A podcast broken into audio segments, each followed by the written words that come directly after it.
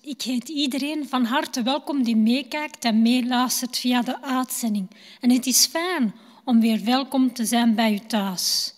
We heten ook Rudy van Moeren en zijn echtgenote Thea van harte welkom.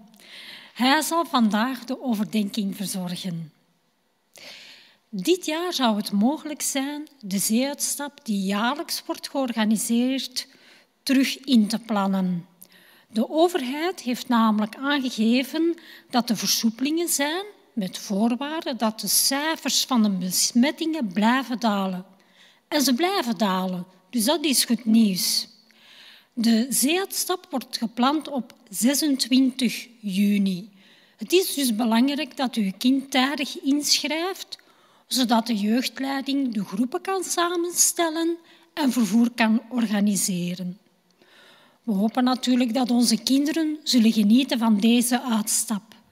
Meer informatie verkrijgt u via mail of kan u ook krijgen bij de jeugdleiding. Voor de zomerkampen van 1 tot 9 juni, juli excuseer, zijn er toch nog enkele plaatsen vrij. Dus u kan nog steeds uw kind inschrijven. En meer informatie vindt u op de website van de Adventjeugd dat onderaan in uw beeld verschijnt. de overheid heeft de protocollen bekendgemaakt betreft het houden van erediensten in kerkgebouwen. Helaas blijft alles zoals het was. Dit houdt in dat er nog steeds 15 personen zijn toegestaan in dit kerkgebouw. Dus helaas kunnen we nog geen publiek ontvangen. Want met ons streamteam, de ouderling, de predikant en eventueel partner, komen we eigenlijk al snel aan tien personen. Dus dit houdt in dat we voorlopig nog moeten wachten om samen te komen. Op 9 juni zal de overheid samenkomen om een nieuwe reeks versoepelingen aan te kondigen, onder andere het samenkomen in kerkgebouwen. We zullen u natuurlijk op de hoogte houden en blijven uitkijken om elkaar hier weer te ontmoeten. Ik wens u allen een hele fijne gezegende Sabbat. En ik wil graag de eredienst openen met het voorlezen uit Gods woord. Breng dank aan de Heer. Maak bekend wie Hij is. Laat de volken weten wat Hij heeft gedaan. Maak muziek voor Hem en zing. Vertel over al Zijn wonderen. Beroem u op de heilige God. Wees blij, volgelingen van de Heer.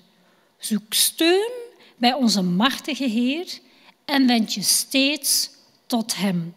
Zullen we samen het stilmaken en ons hoofd buigen voor een gebed. Ja, lieve Vader in de hemel, en we wenden ons vandaag weer tot U in gebed. Want wij willen U eren en loven, U als enige levende God, u die ons heeft gemaakt, mens en dier. Vader, u bent gewoon geweldig. Dank u dat u er bent en dat wij vandaag op deze Sabbat nog dichter bij u mogen vertoeven na het werken van de afgelopen dagen. Vader, wij danken u dat u onze God bent. En Vader, wij willen u vragen om hier als eergast in ons midden te zijn. En dat u ook de woorden die Rudy van Moeren zo dadelijk zal geven voor de overdenking, dat hij wordt gezegend door u met al uw kracht en uw liefde, zodat we die woorden mogen ontvangen en mogen onthouden en mogen toepassen in ons leven. Dat wij meer inzichten zullen verschaffen over u, over uw Zoon en de Heilige Geest. Ja, Vader, want u heeft u uw Zoon en de Heilige Geest gegeven opdat we steeds in verbinding met u mogen staan. En dat is fijn. We vertrouwen u en we houden van u. Vader, ik wil ook graag bidden voor alle mensen. Voor de mensen die thuis zijn, mensen die hier aanwezig zijn. Vader, geeft u uw kracht, uw liefde en uw wijsheid, zodat we ook elkaar kunnen helpen in deze nog moeilijke tijden. En we kijken uit, want de versoepelingen zijn reeds aangekondigd. En het is fijn om toch meer te mogen doen. En we hopen in afzienbare tijd elkaar hier in dit gebouw te ontmoeten. Vader, we willen ook bijzonder vragen dat u ons vergeeft voor de dingen die we niet goed hebben gedaan of gezegd. Dat gij met uw hand de zieken wilt genezen, zij die bedroefd zijn. Welke problemen er ook op de mensen hun weg mogen komen, Vader. Ik weet dat u hen helpt. En zorg er ook voor dat wij elkaar kunnen helpen. Kunnen zien zoals u de problemen ziet, de liefde ziet, Vader. Dank u voor alles wat u voor ons doet, dat wij u mogen toebehoren en u mogen vertrouwen. Vader, ik wil ook graag bidden dat u de gaven die later worden opgehaald, dat u ze wilt zegenen, dat ze tot dienst mogen zijn voor uw opbouw van uw werk. Dit alles vraag ik uit liefde voor u en in Jezus' naam. Amen.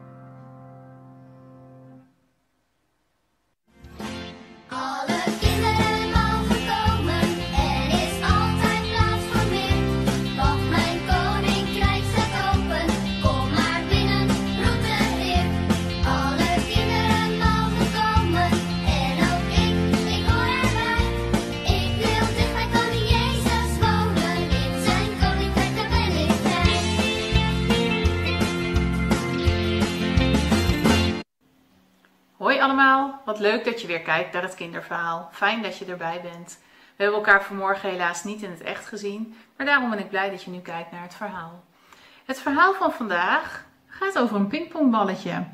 Um, wil je weten wat we daarmee gaan doen? Kom, gaan we gauw kijken. Ik sta in de keuken en ik heb hier een bak met water. Misschien kunnen jullie het wel zien. En ik doe de kraan aan. Dan moet je eens kijken wat er gebeurt met dat pingpongballetje.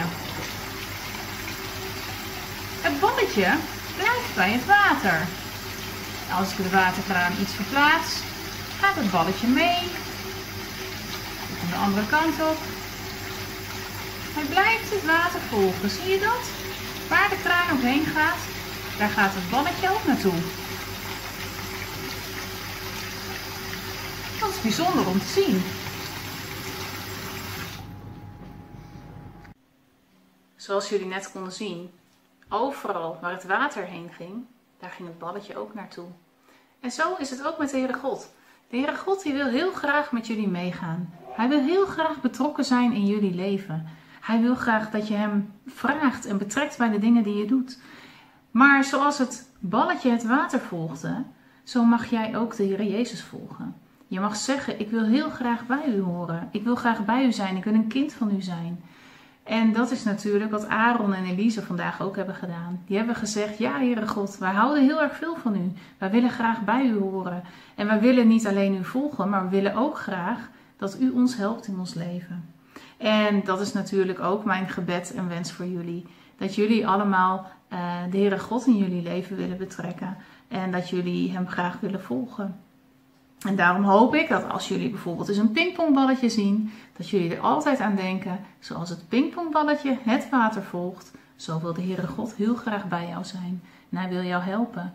En jij mag dan zeggen, Heere God, ja, ik wil die hulp heel graag aanvaarden. Ik wil graag dat u mij helpt in mijn leven en dat u bij mij bent. Ik wil u graag volgen. Dit was het kinderverhaal. Ik wens jullie een hele fijne week. Het is natuurlijk de eerste vakantieweek. Heel veel plezier en ik hoop jullie allemaal volgende week weer te zien. Doeg!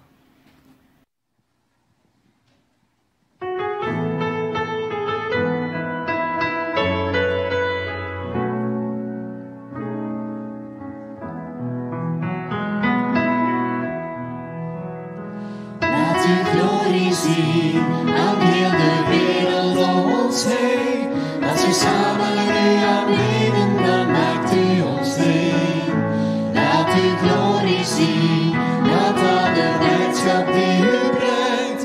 getuigenis van hoop zijn voor wie u niet kent.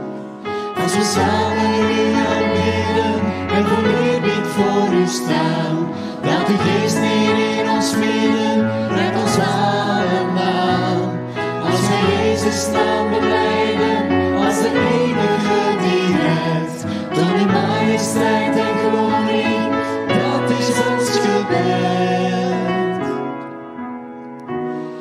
laat uw glorie zien, dat heel de wereld worden mag. Het van Jezus en het kruis waar hij ons redding bracht. Laat uw glorie zien.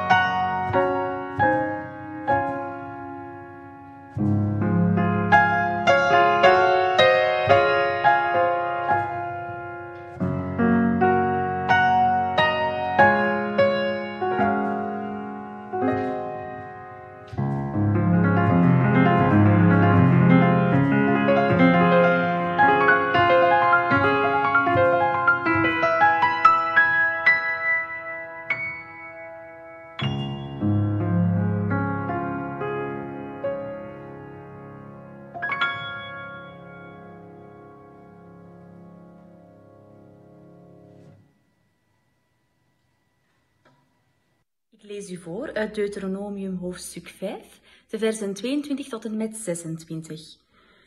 De Heer heeft deze woorden, deze en niet meer, tot u gesproken toen u daar bijeen was. Met een geweldig stemgeluid kondigde hij op de berg zijn geboden af, vanuit het vuur en dreigende donkere wolken, en hij schreef ze op twee stenen platen en gaf die aan mij. Toen u de stem had gehoord vanuit de duisternis, terwijl de berg in vuur en vlam stond, zijn uw stamhoofden en oudsten bij mij gekomen met de woorden, Zojuist heeft de Heer, onze God, ons zijn luister en zijn grootheid laten zien, en hebben we zijn stem uit het vuur gehoord. We hebben vandaag ondervonden dat God met mensen spreekt, zonder dat het hun het leven hoeft te kosten. Maar moeten we ons leven nu opnieuw op het spel zetten? Dit enorme vuur zal ons leven verbranden. Als we de stem van de Heer, onze God, nogmaals horen, zullen we zeker sterven. Want er is toch geen mens die net als wij de stem van de levende God vanuit het vuur heeft horen spreken en het heeft kunnen navertellen. De tweede schriftlezing vindt u terug in Handelingen 2, de versen 1 tot en met 12. Toen de dag van het Pinksterfeest aanbrak, waren ze allen bij elkaar. Plotseling klonk er uit de hemel een geluid als van een hevige windvlaag, dat het huis waar ze zich bevonden geheel vulde. Er verschenen aan hen een soort vlammen, die zich als vuurtongen verspreidden en zich op ieder van hen neerzetten. En allen werden vervuld van de Heilige Geest en begonnen op luide toon te spreken in vreemde talen, zoals hun door de Geest werd ingegeven. In Jeruzalem woonden destijds vrome Joden, die afkomstig waren uit ieder volk op aarde. Toen het geluid weer klonk, dromden ze samen en ze geraakten geheel in verwarring, omdat ieder de apostelen en de andere leerlingen in zijn eigen taal hoorde spreken. Ze waren buiten zichzelf van verbazing en zeiden, het zijn toch allemaal Galliërs die daar spreken? Hoe kan het dan dat wij hen allemaal in onze eigen moedertaal horen? Parten, Meden en Elamieten, inwoners van Mesopotamië, Judea en Cappadocië, mensen uit Pontus en Azië, Frigië en Pamphylië, Egypte en de omgeving van Cyrene in Libië, en ook Joden uit Rome die zich hier gevestigd hebben. Joden en proselieten, mensen uit Kreta en Arabië, wij allen horen hen in onze eigen taal spreken over Gods grote daden. Verbijsterd en geheel van hun stuk gebracht, vroegen ze aan elkaar: Wat heeft dit toch te betekenen? God zegen de lezing van zijn woord.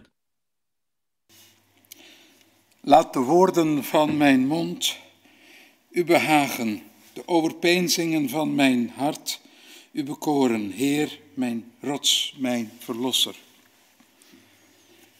Ja, lieve mensen, als ik aan Sinkse denk, en dat is natuurlijk eh, een Vlaams woord, want onze Noorderburen noemen dat Pinksteren.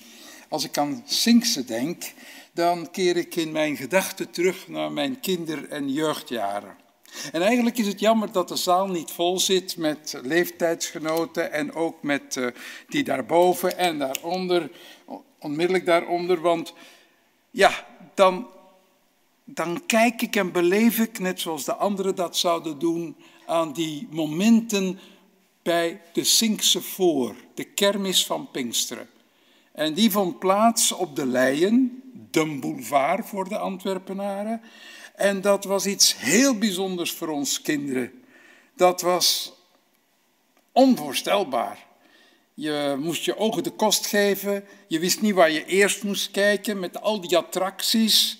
Met uh, uh, de botsautootjes, ja, met de carousels, met de molens, met de kramen, met lekkers, met uh, smoutenbollen, oliebollen, even vertalen.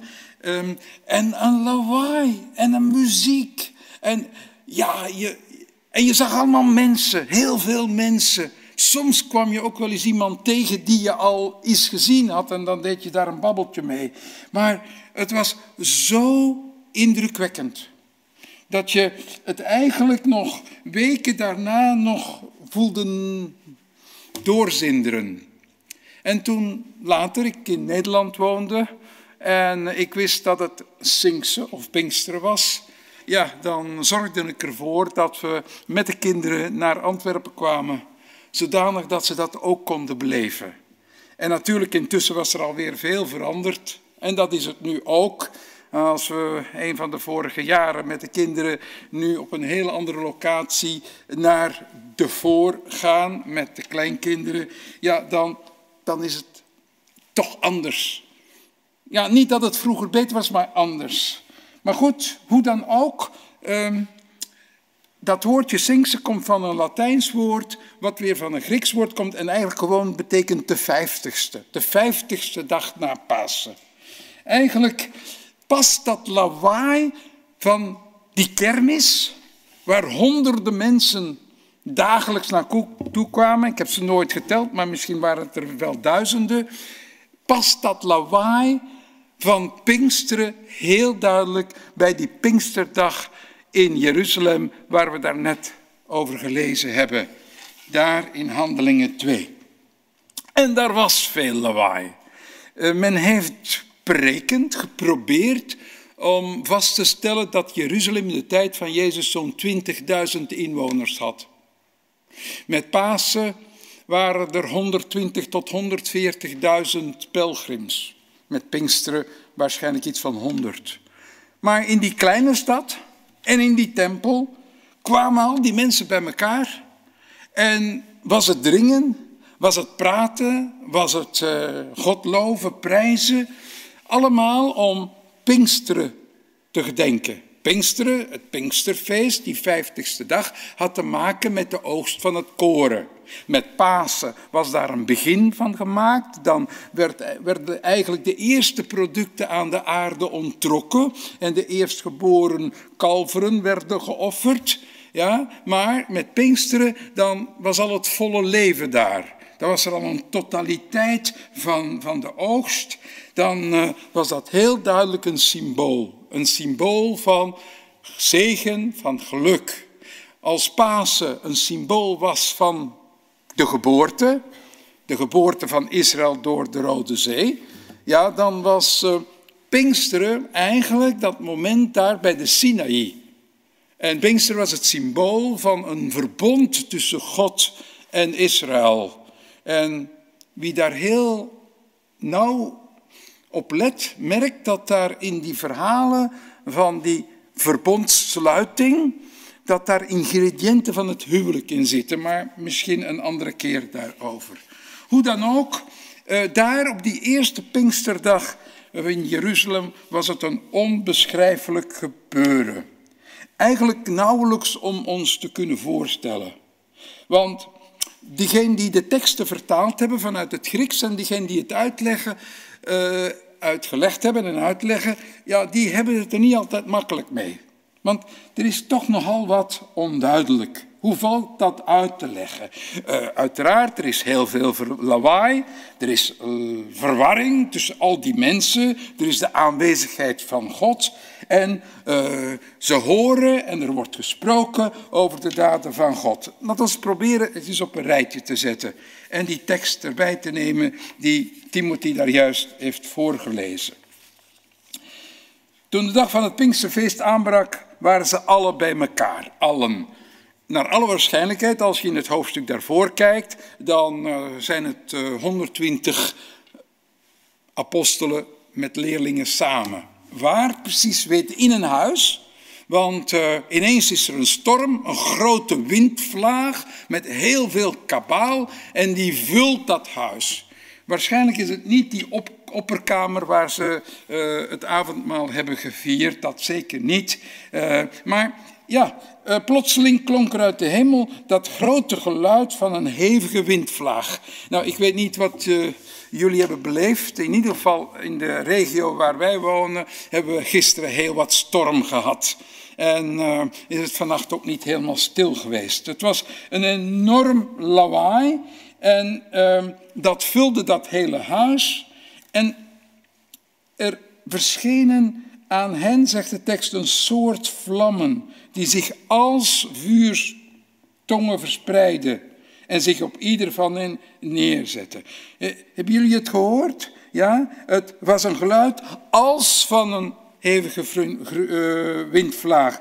Uh, het waren een soort vlammen, alsof het vuurtongen waren. Dus Lucas die dit beschrijft, weet het ook niet helemaal precies te zeggen. Het is allemaal overgelaten aan een beetje fantasie. En, en dat hoort ook zo. Als God zich manifesteert, dan kan je dat niet helemaal precies inblikken. Dan kan je daar niet even een video van maken. Dat, dat overstijgt eigenlijk uh, uh, de, de verbeelding. Dus oké, ze zijn daar en alle werden vervuld van de Heilige Geest. Wat is de Heilige Geest? In die tijd werd dat beschouwd als van je werd eigenlijk uh, met energie overdompeld, ingedompeld. Je werd eigenlijk geenthousiasmeerd. Er gebeurde iets met je. Uh, dat was niet een persoon zoals uh, in de Russisch-Orthodoxe kerk. Nee, dat was een, en er staat letterlijk een wind, een adem. Net zoals in, bij het scheppingsverhaal. Hè? Als het scheppingsverhaal begint, dan uh, is daar dode materie, er is daar leegte, uh, er is geen leven. En uh, dan is daar de duisternis die op de vloed leeft. En dan opeens is daar de adem van God, ja, die over die wateren heen gaat en die net zoals een vogel fladdert ja, boven die wateren. Dus hij wekt energie op. Dat gebeurt hier eigenlijk ook. Die Heilige Geest, ja, die maakte dat er iets los werd geweekt. Er kwam iets los. Een luide toon hoorden ze, de mensen hoorden dat, omdat die apostelen, die leerlingen, begonnen luid te spreken. En, ook weer iets bijzonders, in vreemde talen. In vreemde talen zoals die die geest van God of die wind van God, ik zou zeggen die adem van God, hen daartoe aanzet. Dus, maar er is nog een, een en ander onduidelijk, hè? want ze zitten in dat huis, dat huis wordt helemaal vervuld, uh, dat is uh, enorm veel lawaai en ze beginnen te spreken en het moment later, in vers 5, staan ze in de tempel. Hoe die overgang is gegaan.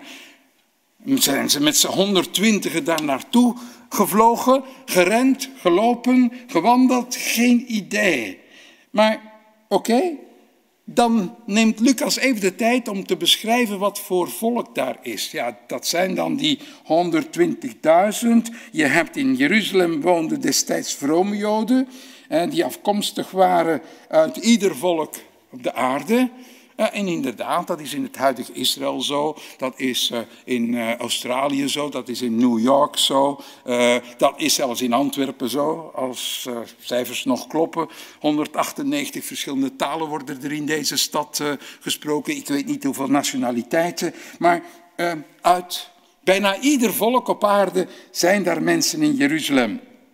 En er zegt dan, toen het geluid weer klonk, dromden ze samen en ze raakten geheel in verwarring, omdat ieder de apostelen en de andere leerlingen zich uh, in zijn eigen taal hoorden spreken.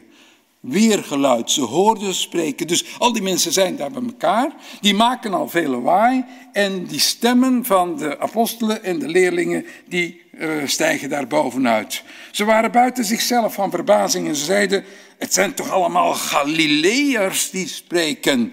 Hebben ze dat aan hun klederdracht gezien? Hebben ze dat aan hun accent gezien? Zoals uh, als een Duitser Frans spreekt, dan hoor je dat. Als een Engelsman probeert Frans te spreken, dan hoor je dat nog veel erger. Uh, dat weten we niet, maar... En nogmaals, dat is weer een van die vraagtekens. Hoe kan het dan dat wij hen allemaal in onze eigen moedertaal horen? En dan krijgen we een opsomming. Een opsomming van... Uh, soort mensen die daar zijn, nationaliteiten of de regio's. En als ik goed geteld heb, dan kom ik aan een veertiental. Um, ze komen uit uh, Mesopotamië, ze komen uit Judea, Cappadocië, Pontus, Azië, ze komen uit Egypte, Frigië, Pamphylië, noem het allemaal maar op. Ja, en er zijn ook nog uh, Joden uit Rome, die zijn er ook nog.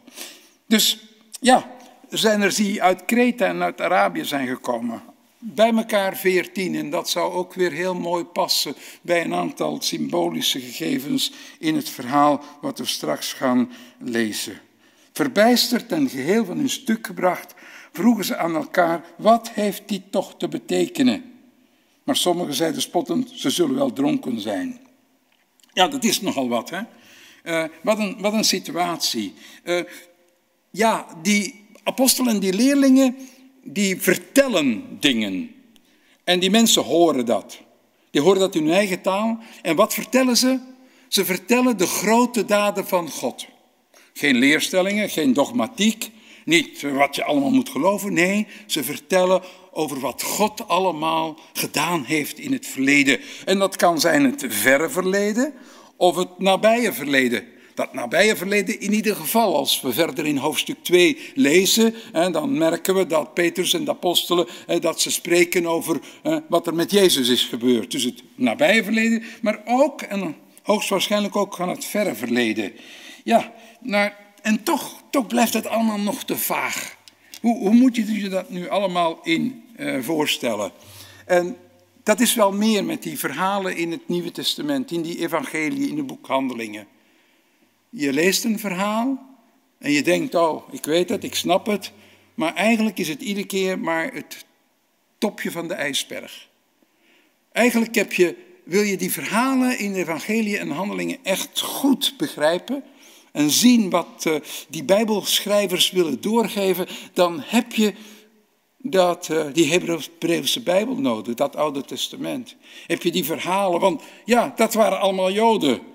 En uh, die dachten Joods, ze leefden Joods, ze ademden Joods, ze ademden Bijbel, Torah, profeten, psalmen. Dus eigenlijk willen we wat antwoorden krijgen op uh, dat Pinkstergebeuren daar in Jeruzalem, moeten we echt naar eerder terug.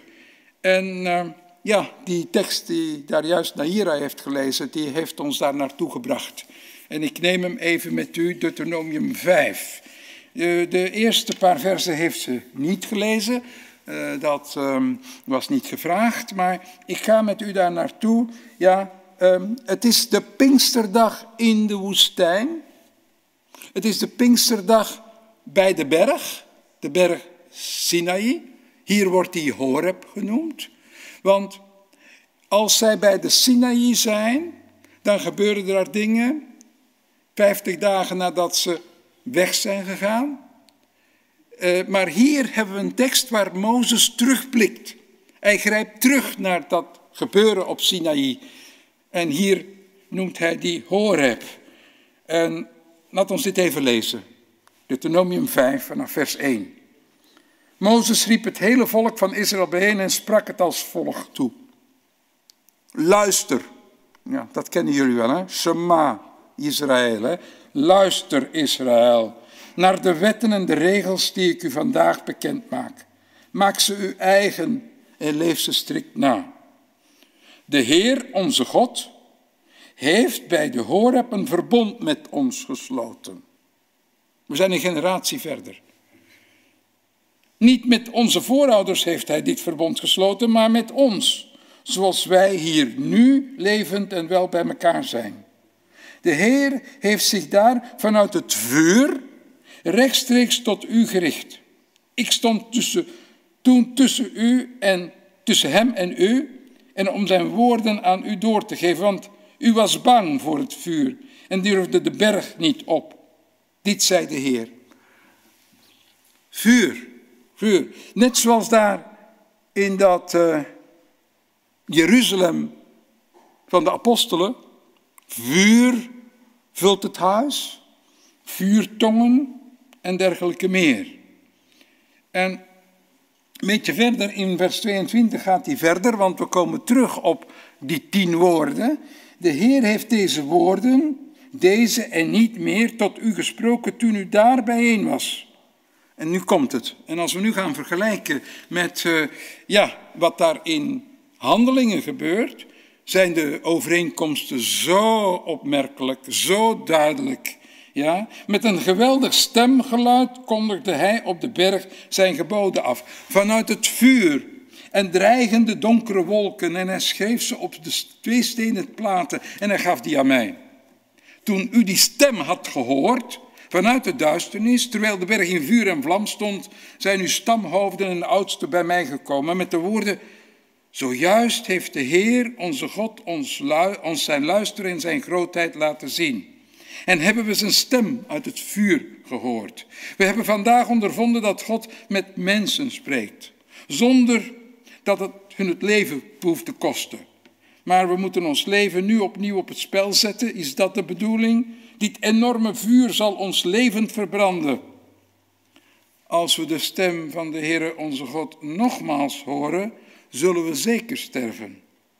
Want er is toch geen mens die net als wij de stem van de levende God vanuit het vuur heeft horen spreken en het heeft kunnen navertellen. Kunt u niet gaan om te horen wat de Heer zeggen wil? Als u zijn woorden dan aan ons overbrengt, zullen wij luisteren en er naar handelen. We zullen horen en we zullen doen. Goh, die overeenkomsten. Zeven keer komt het woordje vuur naar voren. Vijf keer Gods stem.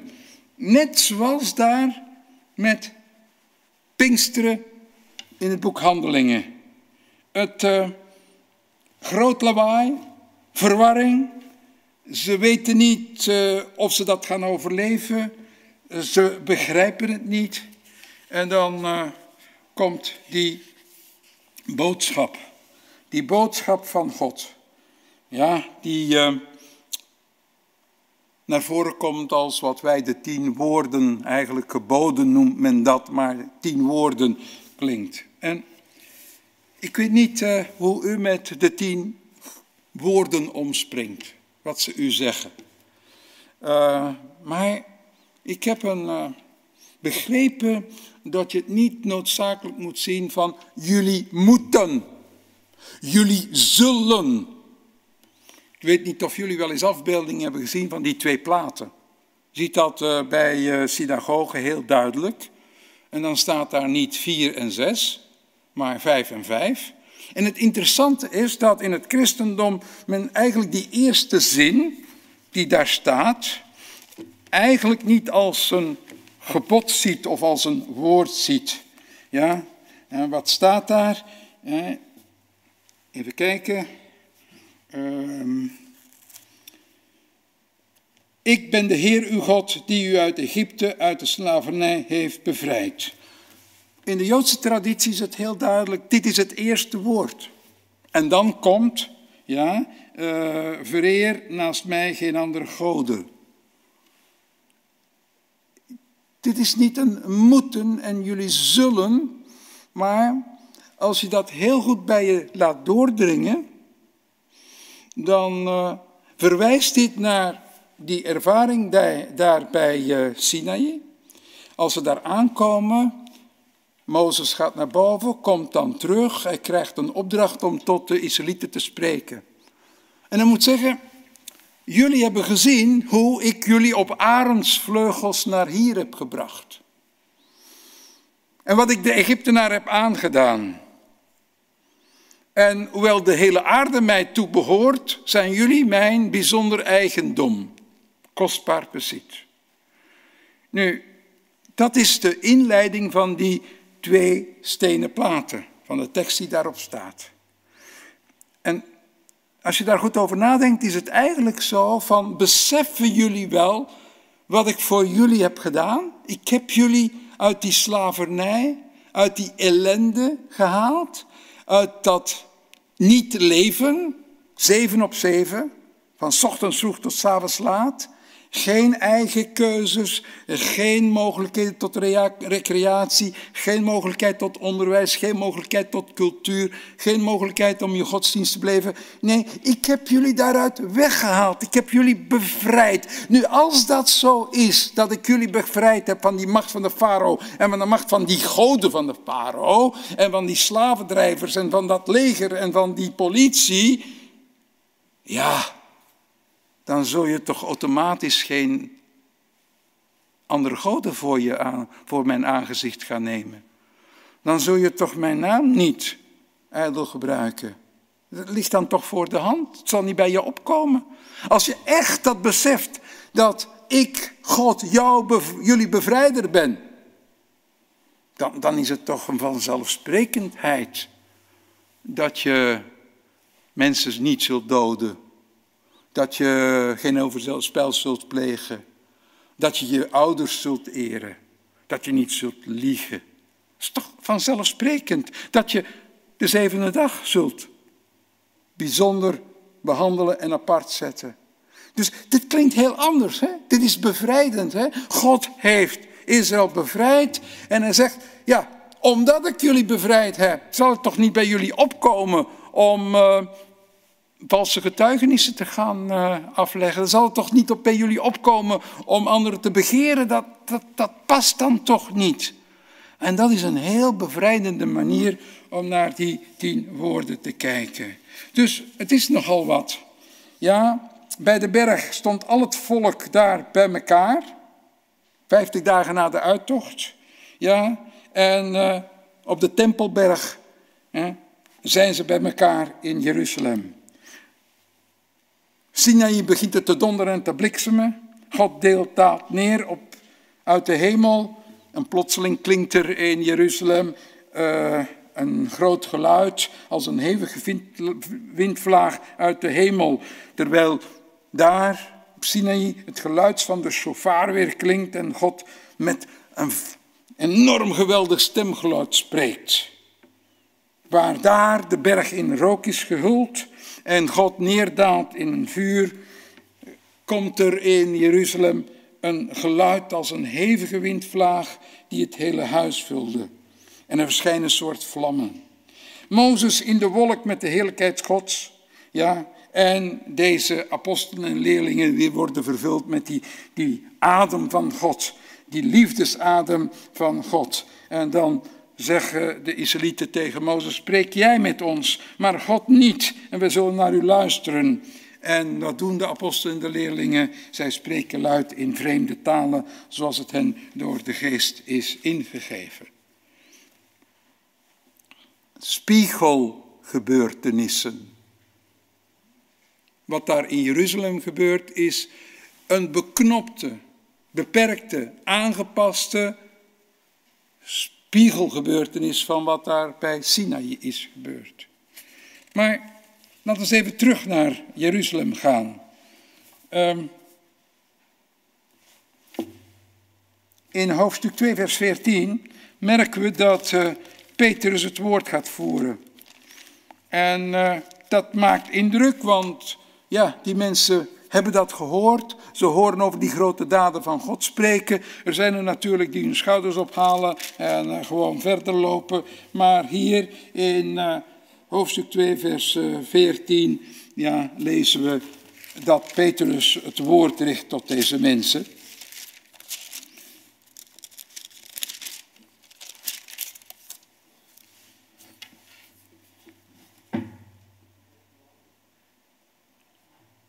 Ja, ja, ik moet wel in handelingen zitten en niet in Johannes, want dan gaat het mis.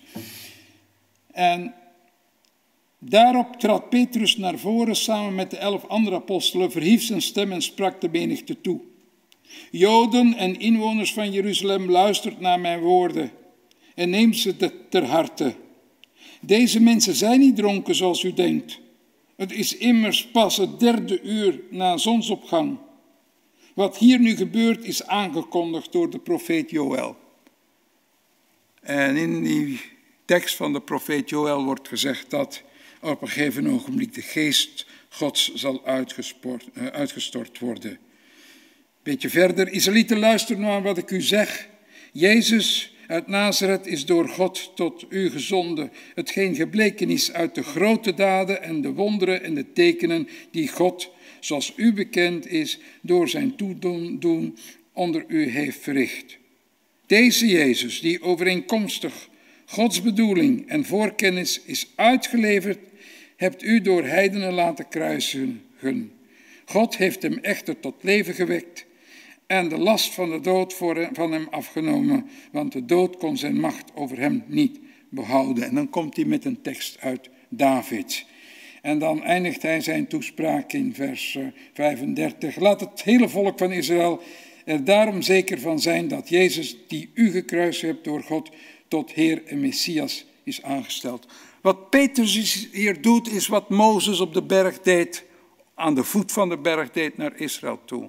Hij was de in-between. Hij is degene die verkondigt de grote daden van God, zoals Mozes, eh, Mozes dat deed daar in de Sinaï. En de krachten en de tekenen die de apostelen deden, komen overeen met de krachten en de tekenen die God op de Sinaï deed. En zo zie je dat bij de Sinaï heel Israël zich verzamelt en op de Tempelberg komt heel die menigte tezamen, helemaal in verwarring en buiten zichzelf van uh, verbazing. Bij de Sinaï hoort dat volk en ziet dat volk die donderslagen, die bliksems en deinst achteruit en blijft op een afstand. En Mozes las het verbondsboek voor, voor de oren van de, het volk. En uh, zij in Jeruzalem horen in hun moedertaal over Gods grote daden.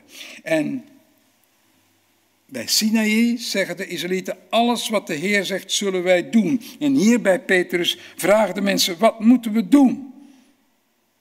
Want ze zijn vol uh, vervuld met ontzag. Ja, en Petrus maakt dan duidelijk ja, dat ze gewoon zich moeten afkeren van het huidige leven. Dat ze zich laten dopen onder aanroeping van Jezus Christus.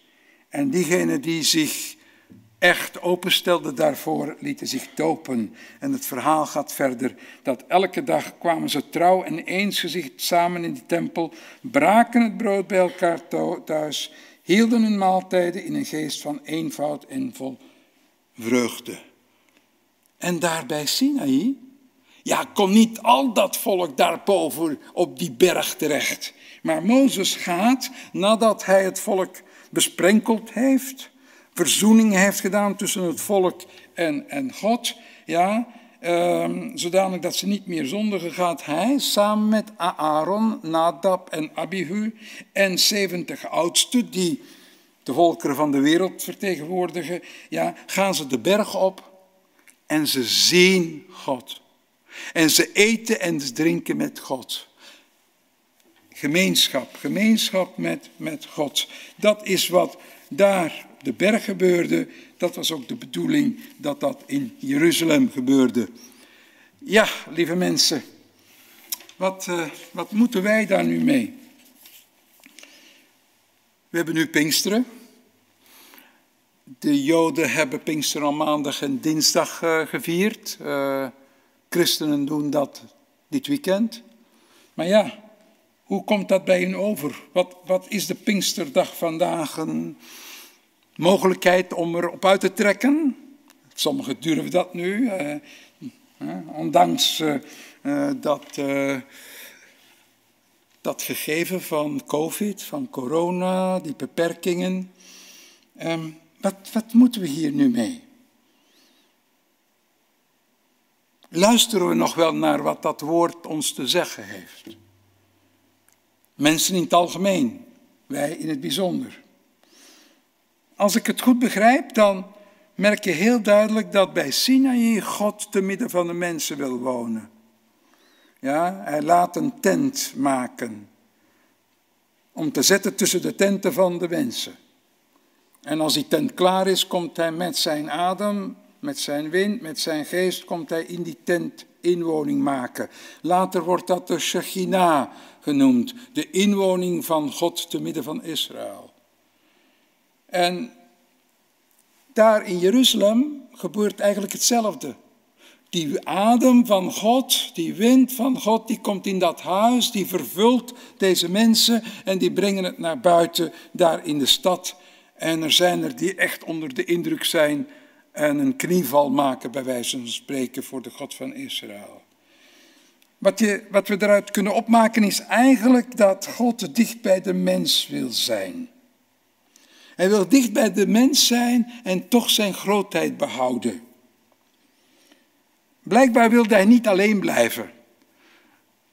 Je zou mogen zeggen dat God eigenlijk een sociaal wezen is. Sociale wezens kunnen niet alleen zijn. Die, uh, die moeten met iemand zijn, die moeten contact hebben, die moeten gemeenschap hebben. En God, zoals wij die leren kennen in de Bijbel, hij wil met mensen samen zijn. met het volk Israël. Daarna met al die pelgrims en de inwoners van Jeruzalem. Ja, eh, bij Sion, van de ene berg naar de andere berg.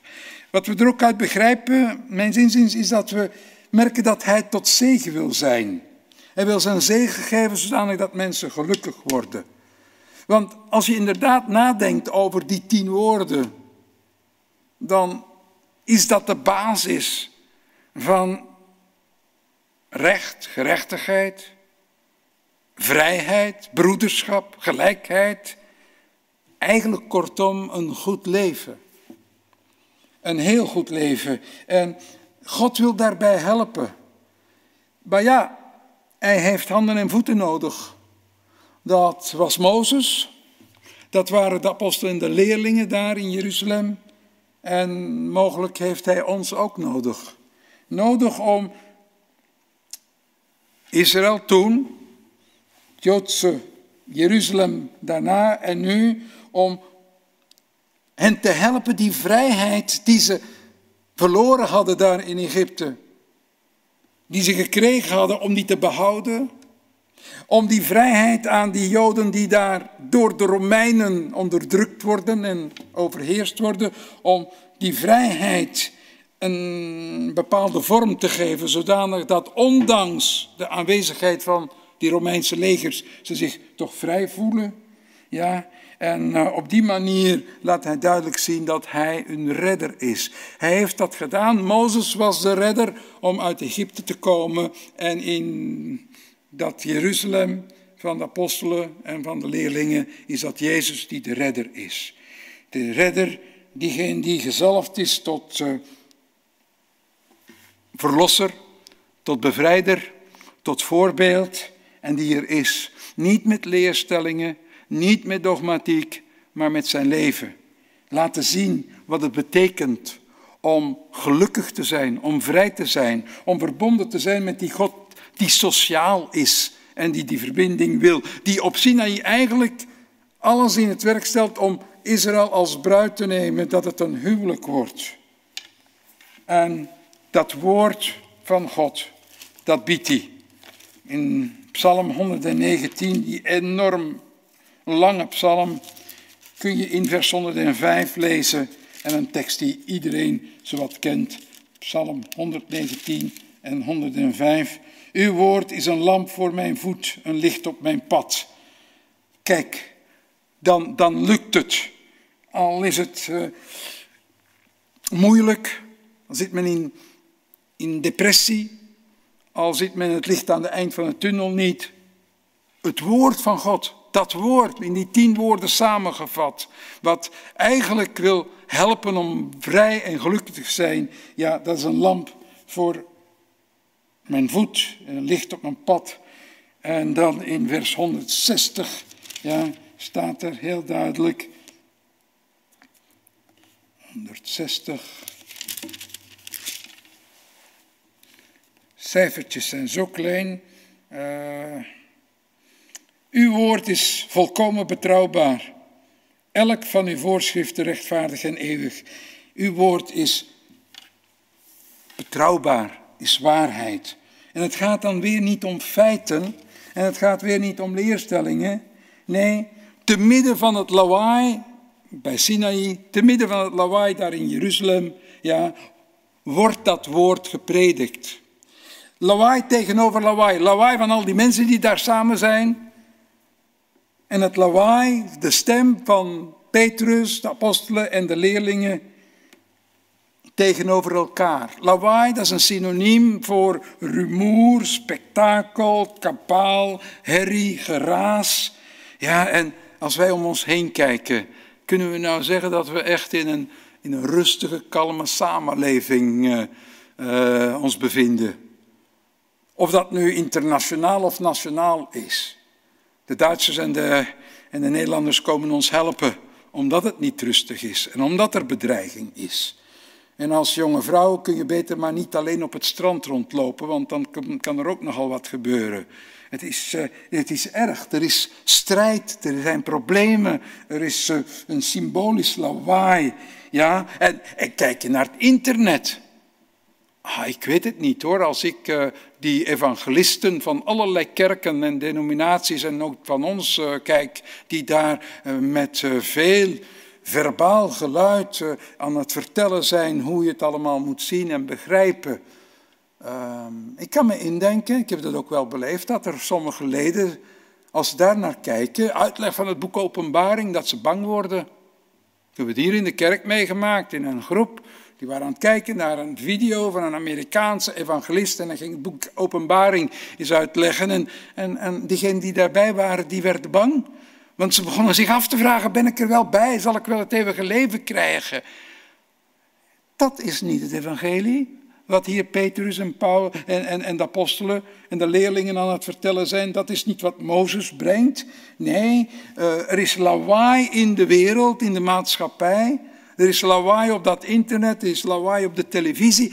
Ja, goh, je hebt dat natuurlijk. Hè. Ik hoor bij een bepaalde leeftijd niet, zoals uh, hier uh, Chloe in de zaal zit en uh, Claudia.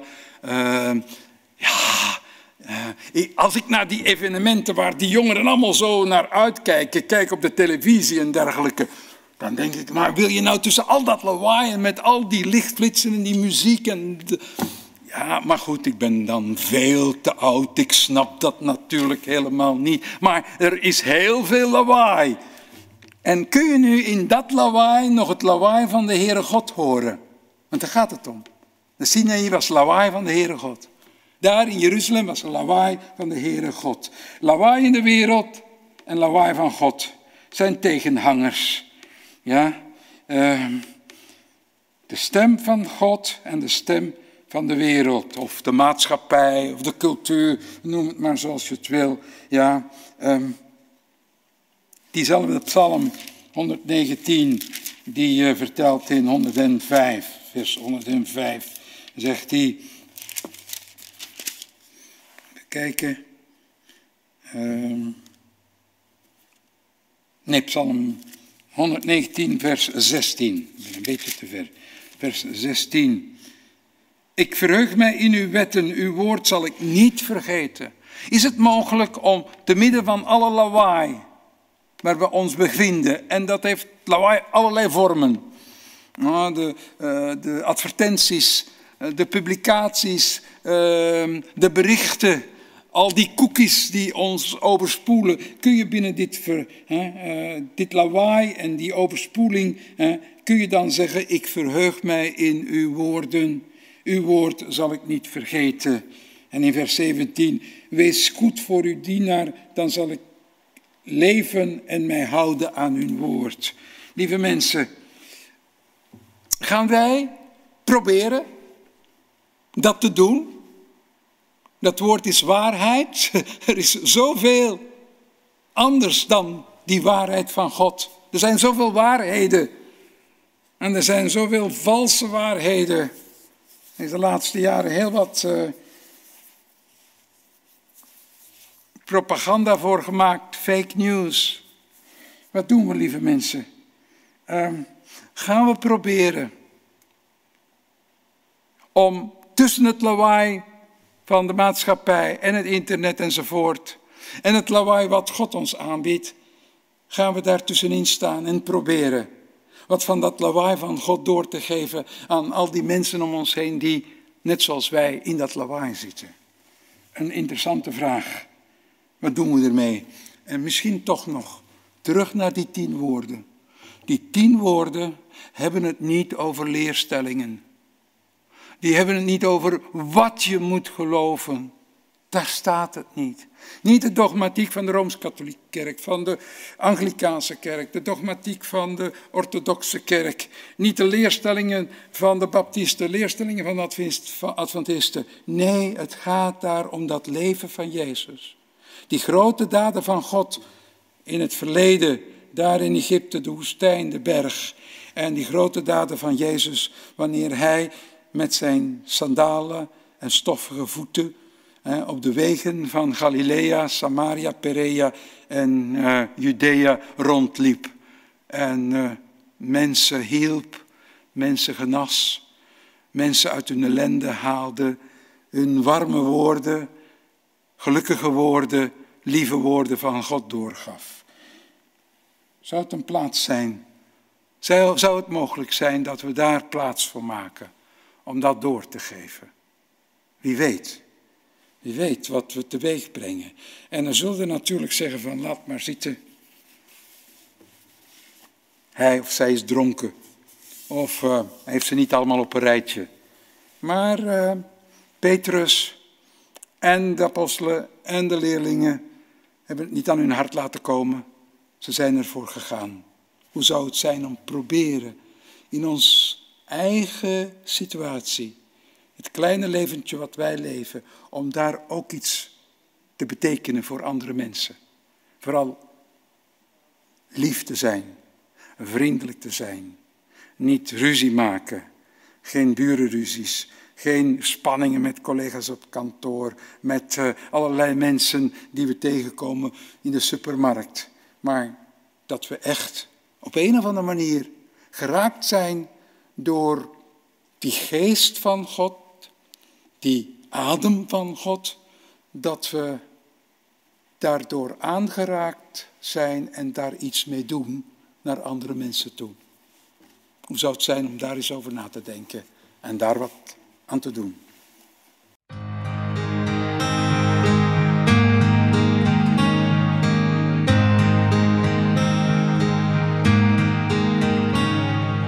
light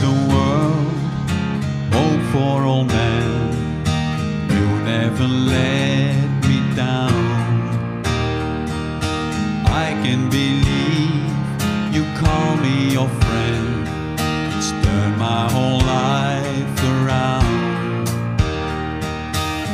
But still, it's hard to let go of the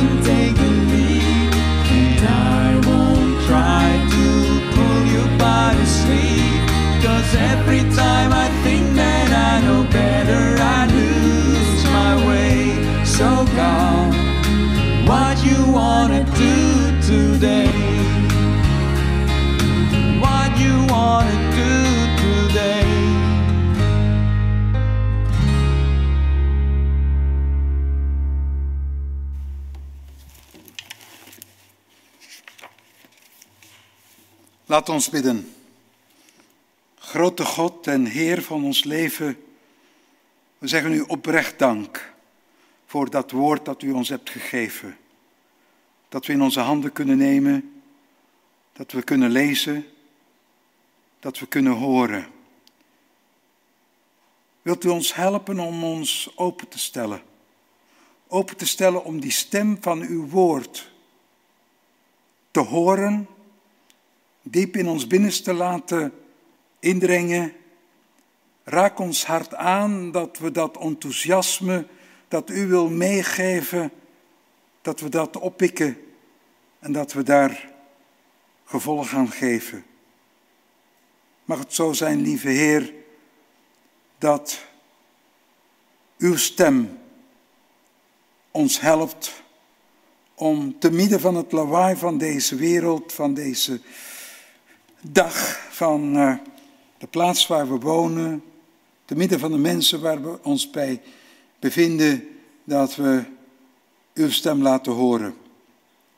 Dat uw stem gehoord mag worden en dat wij daar een rol in mogen spelen. Opnieuw om duidelijk te maken dat wat u wil is dat we gelukkige mensen worden. Wat u wil is dat we goed voor elkaar zijn. Dat u wil dat we eigenlijk in die voetsporen van Jezus uit Nazareth stappen en Hem als onze leermeester te zien, die zich heeft gegeven voor veel liefde, voor veel geluk, voor veel leven van veel mensen. Laat God die liefde is jullie dragen met kracht en zegenen met genade, jullie bewaren voor elkaar en maken tot een huis van vrede voor elkaar. De genade van de Heer Jezus Christus, de liefde van God en de eenheid met de Heilige Geest zijn met u allen. Amen.